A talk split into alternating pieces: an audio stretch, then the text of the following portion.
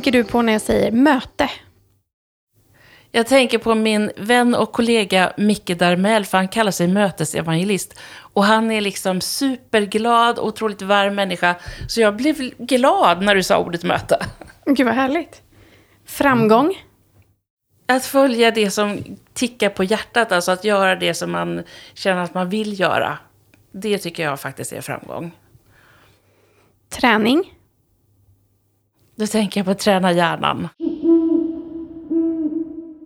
Jo, men det här att lära känna sig själv i mötet med andra är ju väldigt spännande. Samtidigt också hur hjärnan fungerar och hur otroligt styrda vi är den, av den egentligen. Vad säger du om dagens tema kring bemötande och hjärna, Palle? Jo, men hon har skrivit en bok, Lena Skogholm, som handlar just om hjärnstyrka. Hur man kan bygga upp hjärnan för att motstå förändringar, motstå stress och sådana saker. Och Den delen tycker jag känns riktigt spännande och där tror jag man kan ha nytta av verkligen i vardagen. Eh, sen det här med bemötande, det är förstås också viktigt. Och sen så, just det, precis, hon är ju dessutom, hon var ju utsedd till årets eh, talare. Ja, hon fick talarpriset 2021. 2021, precis. Mm. Så hon är ju en framgångsrik föreläsare. Men hon är ju beteendevetare och psykolog, så det ska bli otroligt spännande. Hon är liksom ingen hjärnforskare på så sätt, utan hon kommer ju beskriva hjärnan utifrån liksom, mer pedagogiskt för oss vanliga dödliga. Jo, liksom. men det är så jag har tolkat också, att om ni ja. tar hjärnforskningen och, eh, och sen så omvandlar den så att vi kan ha nytta av den i vardagen. Ja, men precis. Och bygga våra hjärnmuskler. Liksom. Eh, men det ska bli asintressant. Jag, jag tänker att man, vi alla behöver lära oss lite hur vi ska vara och eh, bete oss bland folk. Också vad man ska göra med energitjuvar och eh, hur man ska stå emot stress. Liksom. Så det jag ser fram emot det här Ja, ja absolut. Det också. Det här tror jag kan bli riktigt bra. Ja. Ska vi hälsa henne välkommen kanske? Nej, men jag tänker väl det. Vi släpper mm. in henne. Att eh, träna upp muskelstyrkan, det är vi ju vana vid. Men det här med hjärnstyrkan, det ska också vara möjligt att träna för att kunna motstå stress kanske bland annat. Men hur gör man det? Mm, det finns ju många olika saker vi kan göra. Men det som jag tycker är så intressant, det är just att vi först och främst har den här vetskapen om att hjärnan är faktiskt lika formbar som musklerna på kroppen.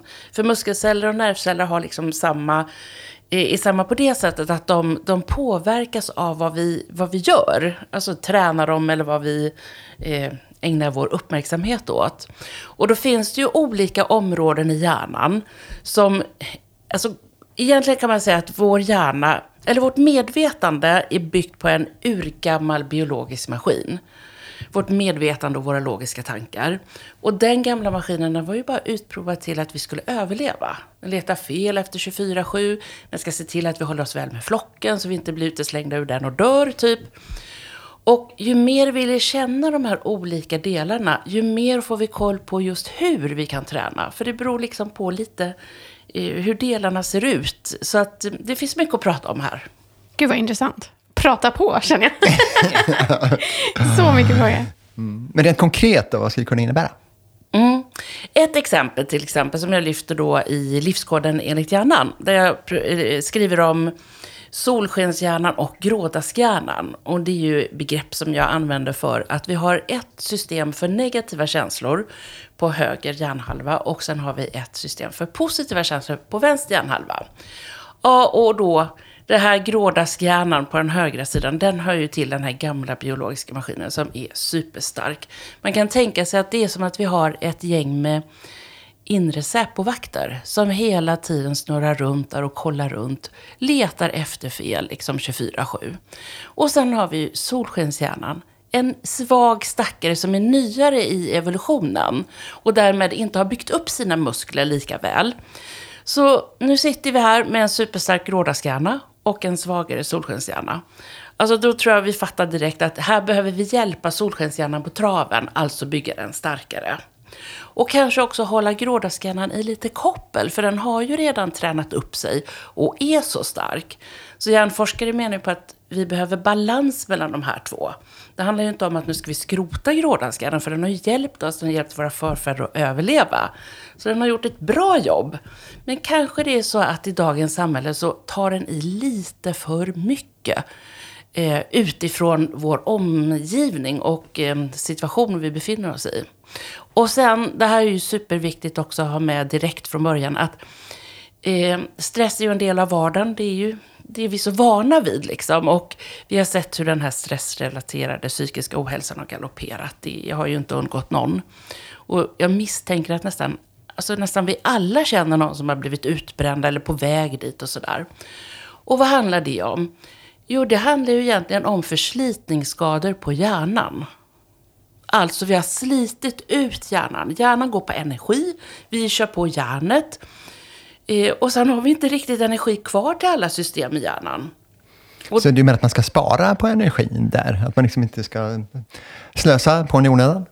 Ja, exakt. Alltså, generellt sett kan man tänka sig så här, att eftersom hjärnan går på energi, du behöver energi till alla program i hjärnan för att solskenshjärnan ska orka funka. Aha. Där har vi den då. Mm. För om, solsken, om vi kör slut på vår energi, ni vet, man kanske är trött men man kavlar upp ärmarna och så kör man lite till. Mm. Och så blir man lite för trött kanske. Vem orkar vara glad när man är supertrött? Man mm. orkar ju inte riktigt det. Solskenshjärnan går in i en stressdimma typ och slutar funka. Mm. Mm. Och därför är det så viktigt att vi har koll på energibudgeten. Och då pratar du inte om eh, kalorier här nu, utan Nej. du pratar om eh, Generellt mental sett. energi. Ja, och på ett sätt hänger ju detta ihop. Att, för vi behöver ju om vi inte äter och sover ordentligt då har vi till ingen exempel, energi. då har Nej. vi ingen energi. Men det handlar också om en känslomässig och mental energi. Så om man kör på hjärnet och har till exempel högfokus hela dagarna, vilket inte är så ovanligt kanske i dagens samhälle och vårt arbetsliv, då blir ju vår mentala kapacitet, alltså den blir ju så trött. Vår kognition blir trött. Och den delen i hjärnan, vår kognition, vårt logiska tänkande som är den senast utvecklade delen och som då är också specifikt liksom stor och utvecklad hos oss människor. Som gör att vi har, vi har språket, vi har vår logiska förmåga och vi kan tänka medvetet, ta medvetna beslut och vi kan reflektera över oss själva. Alla de här funktionerna är ju kopplade till den senaste delen som är utvecklad i hjärnans landskap. Framloberna och hjärnbarken främst då. Och jag brukar använda pedagogiska begrepp för att det ska vara lätt att prata om de här delarna och referera till och framför allt komma ihåg i vardagen. Så man får nytta av forskningen. Mm. Eh, så jag kallar den här delen för människohjärnan. Okay. Och människohjärnan, den kör, vi använder den länge och ofta mycket. Men den är en sprinter. Men vi använder den som en maratonlöpare. För att de här cellerna uppe i människohjärnan, framförallt i dess spjutspetsdelar som vi ofta kallar för exekutiva funktioner, som handlar om när vi lägger upp strategier, vi planerar mot ett mål och så vidare. De cellerna, ihop också med vårt medvetande, de cellerna också, tar extra mycket energi. För att de har så hög ämnesomsättning. Så därför är de otroligt dyrbara energimässigt. Och det här behöver vi ha koll på i vardagen så att vi, vi, vi låter de där små cellerna få vila och låter det, människor vila mellan Ibland brukar man säga att uh, ja, men det här är så roligt, så här kan jag hålla på med hela tiden. Mm. Behöver egentligen en återhämtning, utan det är bara att köra på. Så länge det är kul så funkar det. Och det är alltså, låter som att det skulle kunna vara en myt. Det är ju lite så. Och här tycker jag det är intressant med Hans Seile. Han var ju professor och myntade ordet stress från början. Som är egentligen ett ord som betyder eh, alltså, belastning. Det var ett ord som man lånade för när man tittade på materiell som man hade belastning på. Så blev materiell stressade då. Eller, ja, det här var ju inte svenska utan eh, engelska begrepp då. Och sen blev det stress för oss människor också. Hur mycket jag har belastat kroppen, eller människan. Och han indelade in stress i fyra delar, apropå eh, positiv stress. För det var en av delarna. Och nästa del var ju då negativ stress. När det är vi är med om något som är jobbigt och sådär. Och det möter ju vi alla i livet. Och sen de andra två delarna, det var när vi har för mycket att göra. Och den fjärde, det är när vi har för lite att göra. Det kan väl lika illa ja, det gud, förstås. Ja. Eller hur? Ja. Det kan man ju bli stressad av. Eller hur? Ja. Rastlösheten och bara så här, nej men gud vad är meningen med livet nu? Nej men jag skojar. nej men också men för att bygga, hjälpa den här solskenshjärnan då, alltså bygga upp den här airbagen mot stress. Hur ska vi göra? Finns det något knep på hur Mm. man ska träna upp den? För det, jag vill veta. Ja. jag behöver. Eller hur ja. Alltså här får, den får man jobba med hela livet liksom. Jag har ju hållit på med det här jättemånga år, men man får ligga i träning hela tiden. Precis som med musklerna på kroppen. Det finns massvis av olika saker vi kan göra. Men det första jag vill säga så här, det är att tänk själv. Vad blir du glad av? Alltså vad får dig att må bra? För det, det fattar man att det, det tränar upp solskenshjärnan. Och samtidigt ska vi hålla på stressen så att vi får inte köra på för länge där. Utan återhämtning är ju också en viktig nyckel. Eh, så det tycker jag är det första man ska börja fundera över. Eh, och likadant det här, också fundera över om, man fastnar i grådaskhjärnan, det kan ju hända oss alla också. Ha koll på när du gör det och tänk själv vad som hjälper dig att, att liksom komma loss därifrån. Så det tycker jag är man, först och främst tänk själv. Och sen har jag ju några tips förstås då. Som till exempel, vad det gäller solskenshjärnan, att bidra till andra. Det finns nästan inget annat som faktiskt gör oss gladare. Det här visar flera studier. Och det enda man har sett som kommer upp i samma nivå eller eh, högre nivå av glädje, det är dans. Mhm. Ja, men det är ju på något sätt, musik är ju, det finns ju i alla kulturer och har funnits med oss i alla, alltså sen vi var, som ger oss positiv energi. Eller hur? Och det är ju hilande liksom. Ja. Jo, men det finns ju till exempel en jätteintressant studie där eh, gruppen då delades in i två olika grupper och sen delar man in den ena halvan i två ytterligare grupper. Och hälften av dem skulle spendera pengar på sig själva och hälften av dem skulle ge bort till någon annan. Och sen var det lite, en del fick 5 dollar, en del fick 20 dollar i båda de här grupperna. Eh, och så fick de ju mäta då lyckonivåer eller hur de mådde och alltså massa olika saker före och efter och sånt. Och sen var det ytterligare en grupp och de skulle då eh, de skulle försöka att klura ut hur lyckan hade påverkats nu då om man hade fått 20 dollar att spendera på sig själv respektive om man hade fått 5 dollar att spendera på sig själv eller ge bort 20 respektive 5 dollar. Och de gissar ju då att nej, men man blir ju lyckligast om man fick 20 dollar att spendera på sig själv. Men det stämde ju inte. Utan de som var lyckligast det var de som hade gett bort till andra. Och där spelade inte någon roll hur mycket, utan det var just att man gav bort till andra. Och det tycker jag är något vi kanske glömmer av många gånger. Och nu menar jag inte på det här sättet att man ska utplåna sig själv och nu ska jag bara tänka på alla andra, utan vi behöver ju ta hand om oss naturligtvis. Och vårda vår egen liksom jagblomma. Men hur vi kan bidra till andra, det lyfter oss ur vårt eget liksom jag-system och blicken som ibland blir framför näsan och hur har det gått för mig och typiskt att jag ska ha det så här och vad det kan nu vara. Men, men är det inte lite individuellt det där? Att man kan ju säga att det, jag menar, vissa är ju väldigt eh, omhändertagande och eh, sätter gärna andra i första rummet. Men andra är ju mer ego, sådär att de ska Du menar liksom, narcissisterna eller? Ka- kanske, kanske. Ja, är precis åt det hållet åtminstone. Ja. Sen behöver det inte vara så illa i sig att man är narcissist. Man kanske kan dölja det. Ja, men de brukar ju vara duktiga på att dölja det. Ja, just det. Precis. Jo, men precis. studier visar ju också att men just när det kommer till självkänsla, genom att lyfta andra så lyfter du dig själv. För din hjärna registrerar så här, aha, vi ska prata om oss själva så. Så det är, på något sätt är det nästan liknande det du säger, att så här, genom att ge till andra så blir det på något sätt en belöning som du ger till dig själv samtidigt. Istället för bara ge, ge, ge sig själv. Tänker jag. Exakt, och för en annan del det är att, att visa medglädje. Alltså medkänsla har vi ju som ett ord. Men jag tänker också att man, ett ord som är härligt det är medglädje.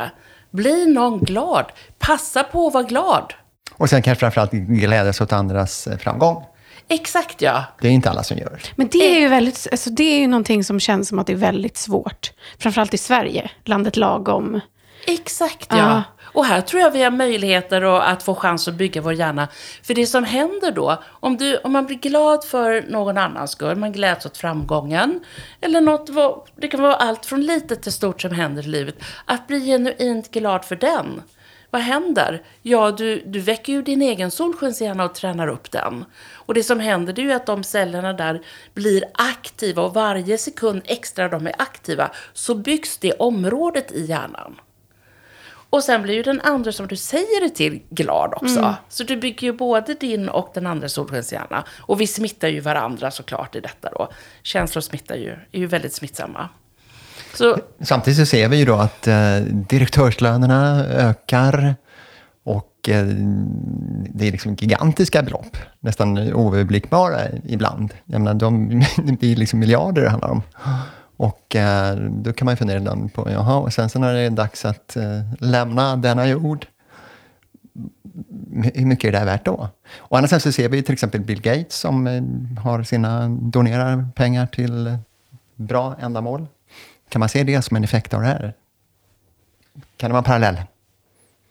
Gud. Det kan det ju säkert vara. Och det finns ju vissa studier som visar att alltså, pengar är, är ju bra för oss att ha såklart. Men till en viss nivå. Alltså, vi, vi, vi blir gladare av pengar på så sätt att vi behöver inte oroa oss för mat och tak över huvudet och allt det. Men, men till en viss nivå så påverkar det vår lycka. Liksom. Och därmed solskenshjärna tänker jag. Eh, men sen blir du inte lyckligare. över det så spelar det ingen roll. Eh, någon sådana program där man intervjuade med miljonärer och fördjupade sig i detta. Och då sa de att det, det finns så mycket depression Mm. där ibland. Vad ska du ägna dig åt om du har allt? Vad ska du göra? Vad ska du göra? det. Man har ingenting att kämpa för. Hur, hur skapar du mening i ditt liv? Men där tänker jag också att om du har så mycket pengar då kan du skapa mening genom att ge till andra. Och verkligen bidra till samhället. Och där finns det ju olika kulturer också hur mycket det den finns utpräglad. Att i vissa kulturer kanske det är mer att man ska ge tillbaka till samhället. Eh, på det sättet då. Jag, jag har i bakhuvudet, men, men låt mig bara säga att jag har det i bakhuvudet, att jag läste om att länder som är mer jämlika har också, om det nu var bättre eh, välmående eller bättre hälsa, men att vi mår bättre när vi gör- är tillsammans. Kollektivet, gruppen. Kollektivet. Ja. Vi är ändå på savannen. Återigen den där reptilhjärnan liksom, som vill vara en del av flocken. Tunnelbana eller bil? Alltså de här antingen eller, det kommer bli beror på. Vill man åka bil i stan? Nej. Lättare med tunnelbana. Tunnelbana, det går ju inte ens långt ut i Värmland. Men är det krångligt med kommunikationer? Ja, då bil. Jobba hemma eller jobba på kontor? Jobba hemma. Den kom snabbt. Det- Och det gör du ju kanske alltid. Ja, nu jobbar, jag har ju kontor hemma och sen åker jag iväg om jag föreläser eller utbildar eller om det är något annat som ska göras. Men jag trivs väldigt bra med att jobba hemma. Jag eh, blir mer... Jag tycker om det. Teamwork eller att jobba mm, för sig själv? Ja, det är ju jätteintressant. Å ena sidan är jag en ensamvarg som tycker om att vara social. Så att, mm, mina ensamma perioder när jag till exempel skriver böcker, förbereder föreläsningar eller annat. Men sen är det jättehärligt med, med samarbeten som gör att det händer andra spännande saker.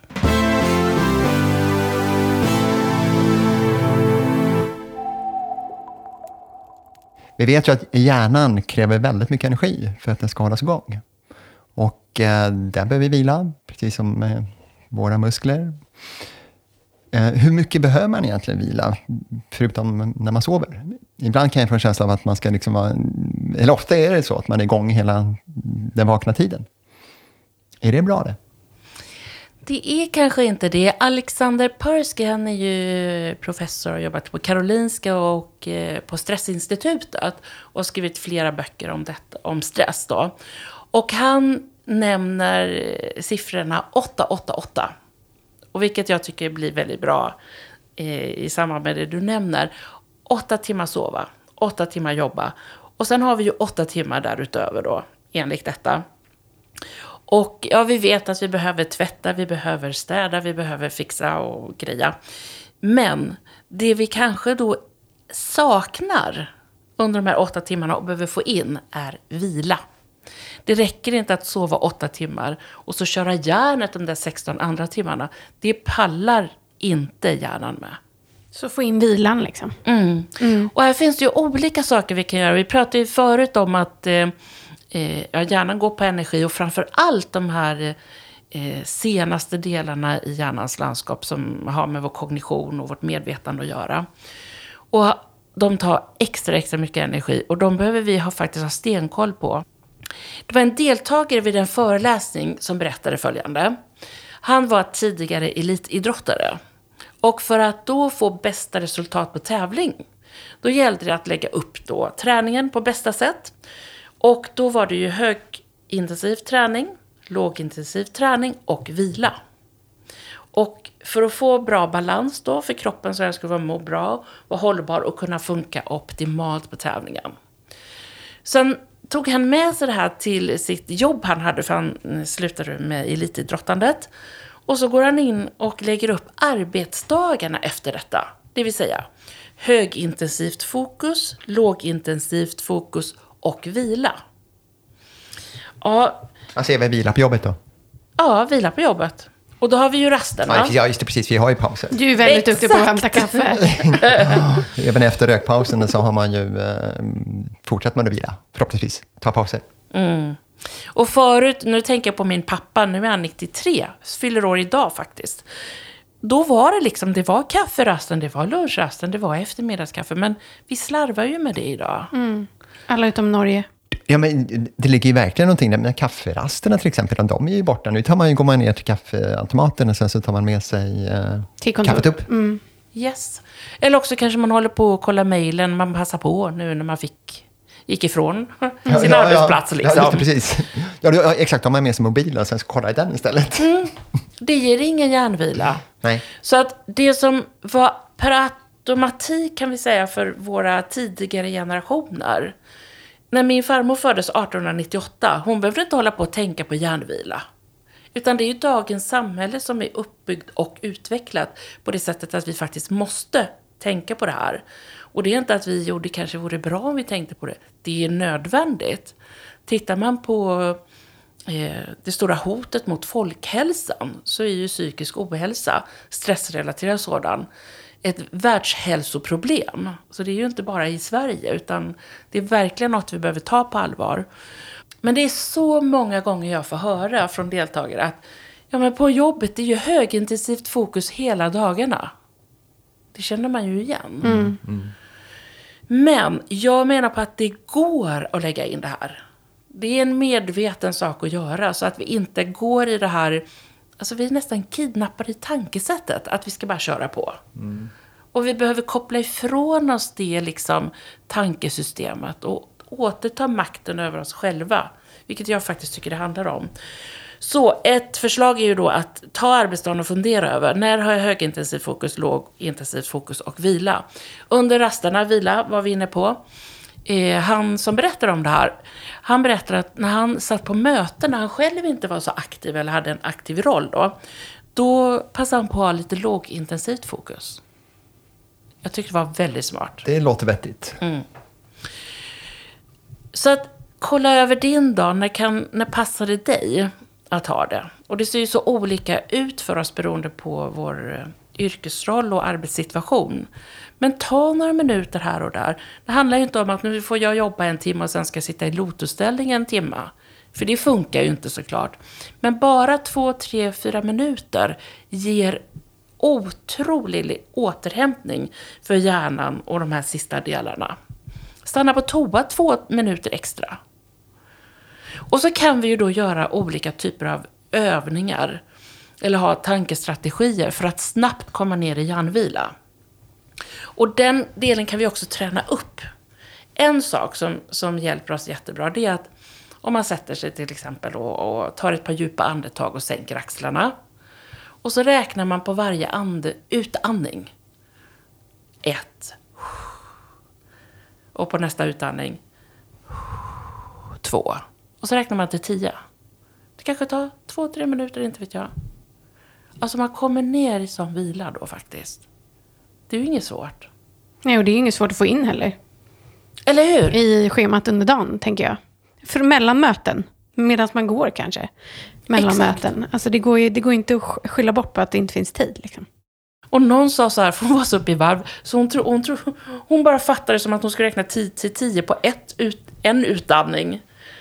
Nej, det var det ju inte. Så att det kan också ta tid att vänja sig om man är liksom en person Jag tror att det kan är... ge samma effekt om man reser sig upp och uh, kör lite, uh, man ska inte behöva köra armhävningar, men snurrar lite på armarna kanske, gör lite aktiviteter. Absolut, absolut. Man kan hitta sin egen grej kanske. Där. Ja, man kan hitta sin egen Bara man grej. gör det, låter det som. Så att man får hitta sin egen grej bara man får in vilan under dagen.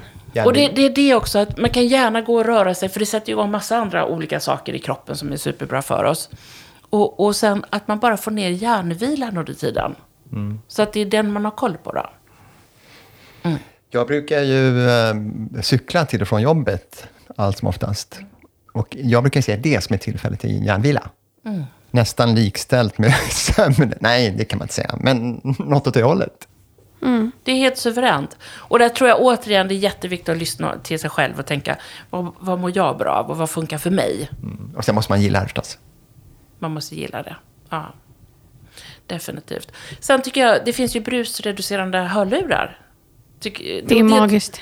Det är magiskt. Förutom när man går alltså, utomhus. Det är inte bra. Det är inte bra. Nej, eller det blir lite för tyst. Man hör inga bilar. Alltså man blir lite för farlig för sig själv. Så kan det vara. Men då har jag tänkt så här, vi har ju massa mentalt brus också. Att det pågår massa här inne. Visst vore det skönt med mental brusreducering då?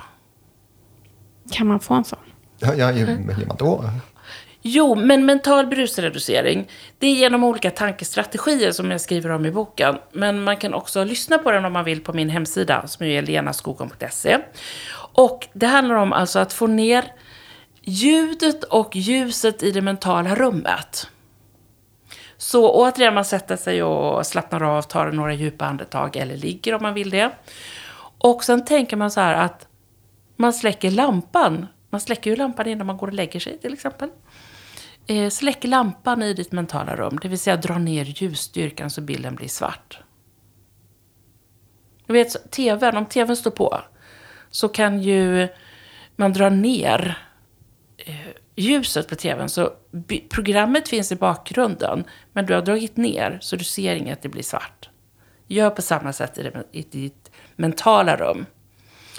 Och sen dra ner volymen på tankarna. Det är bruset i ditt mentala rum.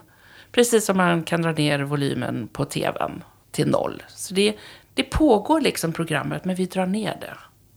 Och det här kan man göra mitt på dagen, när man är på jobbet. Anytime, när som helst. Jag gör det minst en gång om dagen när jag ska gå och sova. För att det, det här gör att man så snabbt kommer ner i lågfokus och vila.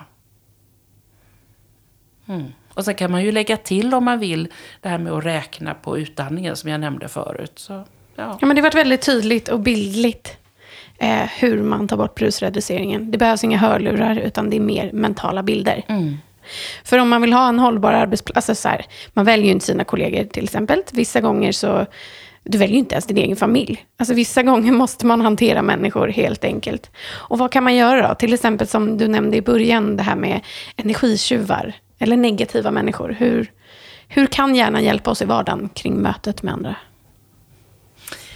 När det gäller energitjuvar, ja men då tänker jag så här, då är ju personen fången i grådaskhjärnan. Hur kan vi hjälpa till att lyfta in solskenshjärnans perspektiv? Först såklart bekräfta personen, att man måste ju få ha sin upplevelse. Och sen ställa frågor som, som kanske handlar om att kan vi försöka väcka solskenshjärnan? Kan man ju själv fundera i bakhuvudet då. Utan att det var anklagande då förstås. Ja, absolut. För alltså, om man säger så här, men måste du vara så negativ? det Nej, det blir inget bra. Det Det går är inte. inget bra. Det är bara taggarna utåt åt båda håll där i sådana fall. Nej, det går inte. Utan i sådana fall, ja men vad, vad tycker du är, är... Någon kanske tycker det jobbet är jättedåligt. Ja, men vad, vad tycker du är ändå det bästa med jobbet? Eller finns det någon arbetsuppgift som du tycker är, är, ger dig någonting? Eller är rolig? Och är det för eländigt så kan man säga, men vad är det minst dåliga på jobbet då? Om inte något särskilt är bra. Och det behöver inte handla om att se något som är bra, man kan ta det till ett neutralt läge också. Ja, vad intressant att du tycker så. Jag hörde de andra kollegorna, du vet, de sa så här och så här. Och då har de andra perspektiv. Vad tänker du när du hör det? Så att man bryter tankegången. Men en av de viktigaste sakerna som jag tycker är superviktigt att ha koll på kollegor emellan, det är att vi är så otroligt smittsamma. Eh, Och här finns ju inte minst funktionen med eh, spegelneuronerna. Alltså att vi har specialdesignade celler i hjärnan. Så om, ni vet man sitter på ett möte och någon börjar gäspa till exempel. Det sprider sig. Det sprider sig. Och det är inte konstigt, därför att när jag ser någon gäspa, då per automatik då, de här spegelneuronerna, det funkar ju som att vi har en spegel. Så att mina celler i hjärnan säger liksom hur jag också ska gäspa i princip då. Så hellre ett leende på Zoom-mötet än en gäspning. Måste man gäspa så måste man såklart då. Men var medveten om, för att var och en av oss, du har så mycket mer makt än vad du tror över din arbetsmiljö. Gandhi sa ju det här uttrycket, något i stil med att var den förändring du vill se i världen. Och med tanke på kunskaperna vi har om spegelneuronerna, att vi går omkring som en spegel i vår hjärna. Det du gör mot mig blir en impuls för mig i min hjärna att göra precis likadant. Det är inget flum-flum. Alltså det är ju verkligen eh, fakta liksom så, som vi kan lita på.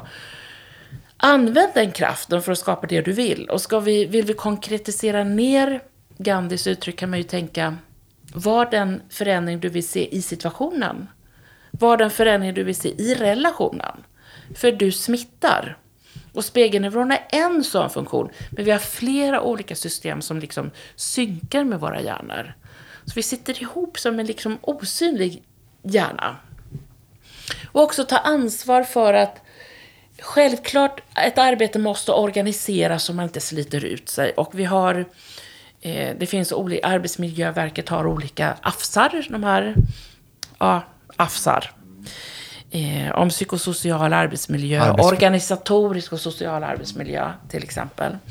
Så det är ju absolut en viktig del. Men sen har var och en kommer ju med sin liksom dos av solskenshjärna och grådaskhjärna till jobbet. Man skulle kunna säga att stämningen på jobbet, det är om man slår ihop kontentan av alla grådaskhjärnor och solskenshjärnor på jobbet. Då får man ju stämningen på jobbet. Är ni med på tanken?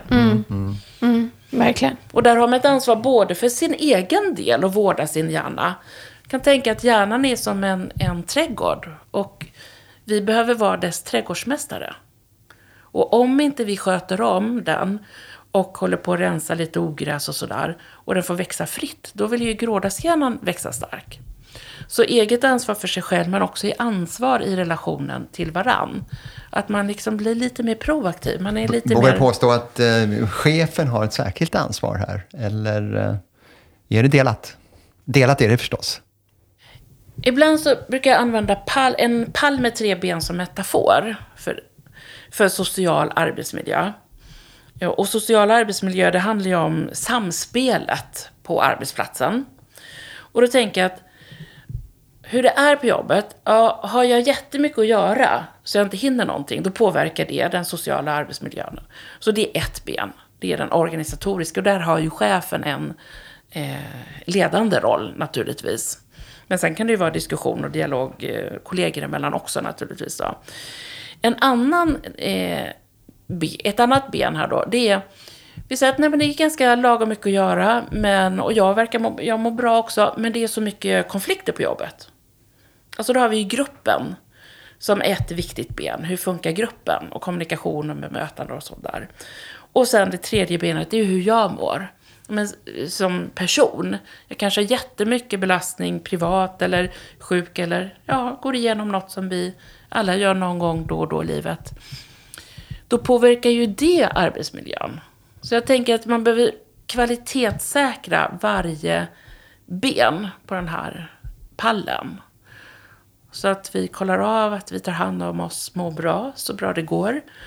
Ha koll på samspelet på gruppen och på hur arbetet är organiserat. Då kan man sätta sig säkert på pallen, tänker jag, för en bra social arbetsmiljö. En ganska bra metafor där, Verkligen. tycker jag. Den är ju väldigt eh, tydlig. Man fattar liksom. Afsen. Afsen. Och jag tycker den är så bra för den tydliggör ju också att om vi tänker varje ben har ju 33% påverkan då, om det kalkylerar. Och 66% handlar om individen och gruppen. Det är ganska stor del. Så jag, jag tänker att vi har mer makt än vad vi tror. Var och en blir så påverkad av, alltså vi blir så påverkade av varandra. Och ibland kanske vi inte tänker på att nej, men du smittar och det får effekt på dem du möter. Och nu när vi ändå har den här smittokraften, passa på att använda den. Till något positivt. Ja, Le, Ja. skratta och sprid glädje, tänker jag. för annars antingen så, så smittar vi medvetet eller omedvetet. Medvetet mot det vi vill, tycker jag. Och sen en annan viktig sak för gruppen då, bemötandet sinsemellan. Alltså något av det viktigaste av allt är ju att man ser, lyssnar och respekterar varandra.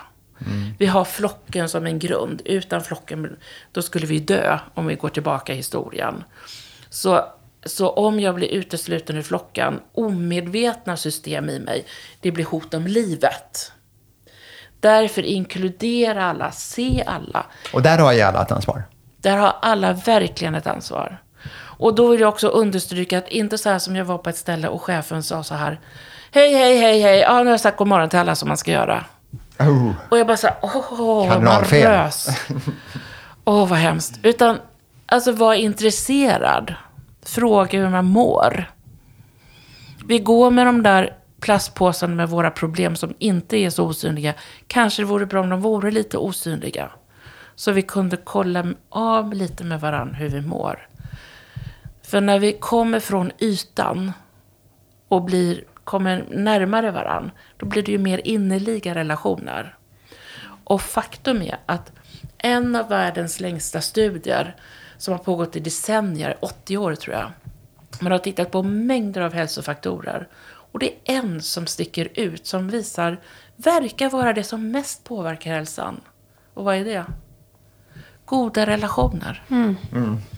Och inte så här jättemånga relationer och hej och hopp, utan innerliga. När man vet att, nej men jag vet att du... Så du menar att det är sammanfattningsvis här, det är bättre att investera i relationer än ett fett bankkonto? Ja, det är väl det så vi kan runda av den här podden, tänker jag. Ja, det kändes lite grann så. Ja, verkligen. Ett hej kan vara livsavgörande. Ja. Ja. Och det borde man tänka på lite oftare. Eller, mm. Verkligen. Och så fort man möter en människa har man ju chans till ett möte.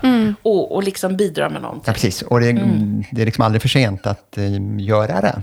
Exakt. Och oavsett hur det har sett ut förut, förut var förut, Ja, nu är nu, nu vet vi att det här fu- funkar, då kör vi på det tänker jag. Jag skulle säga avslutningsvis, våga le på stan till främlingar.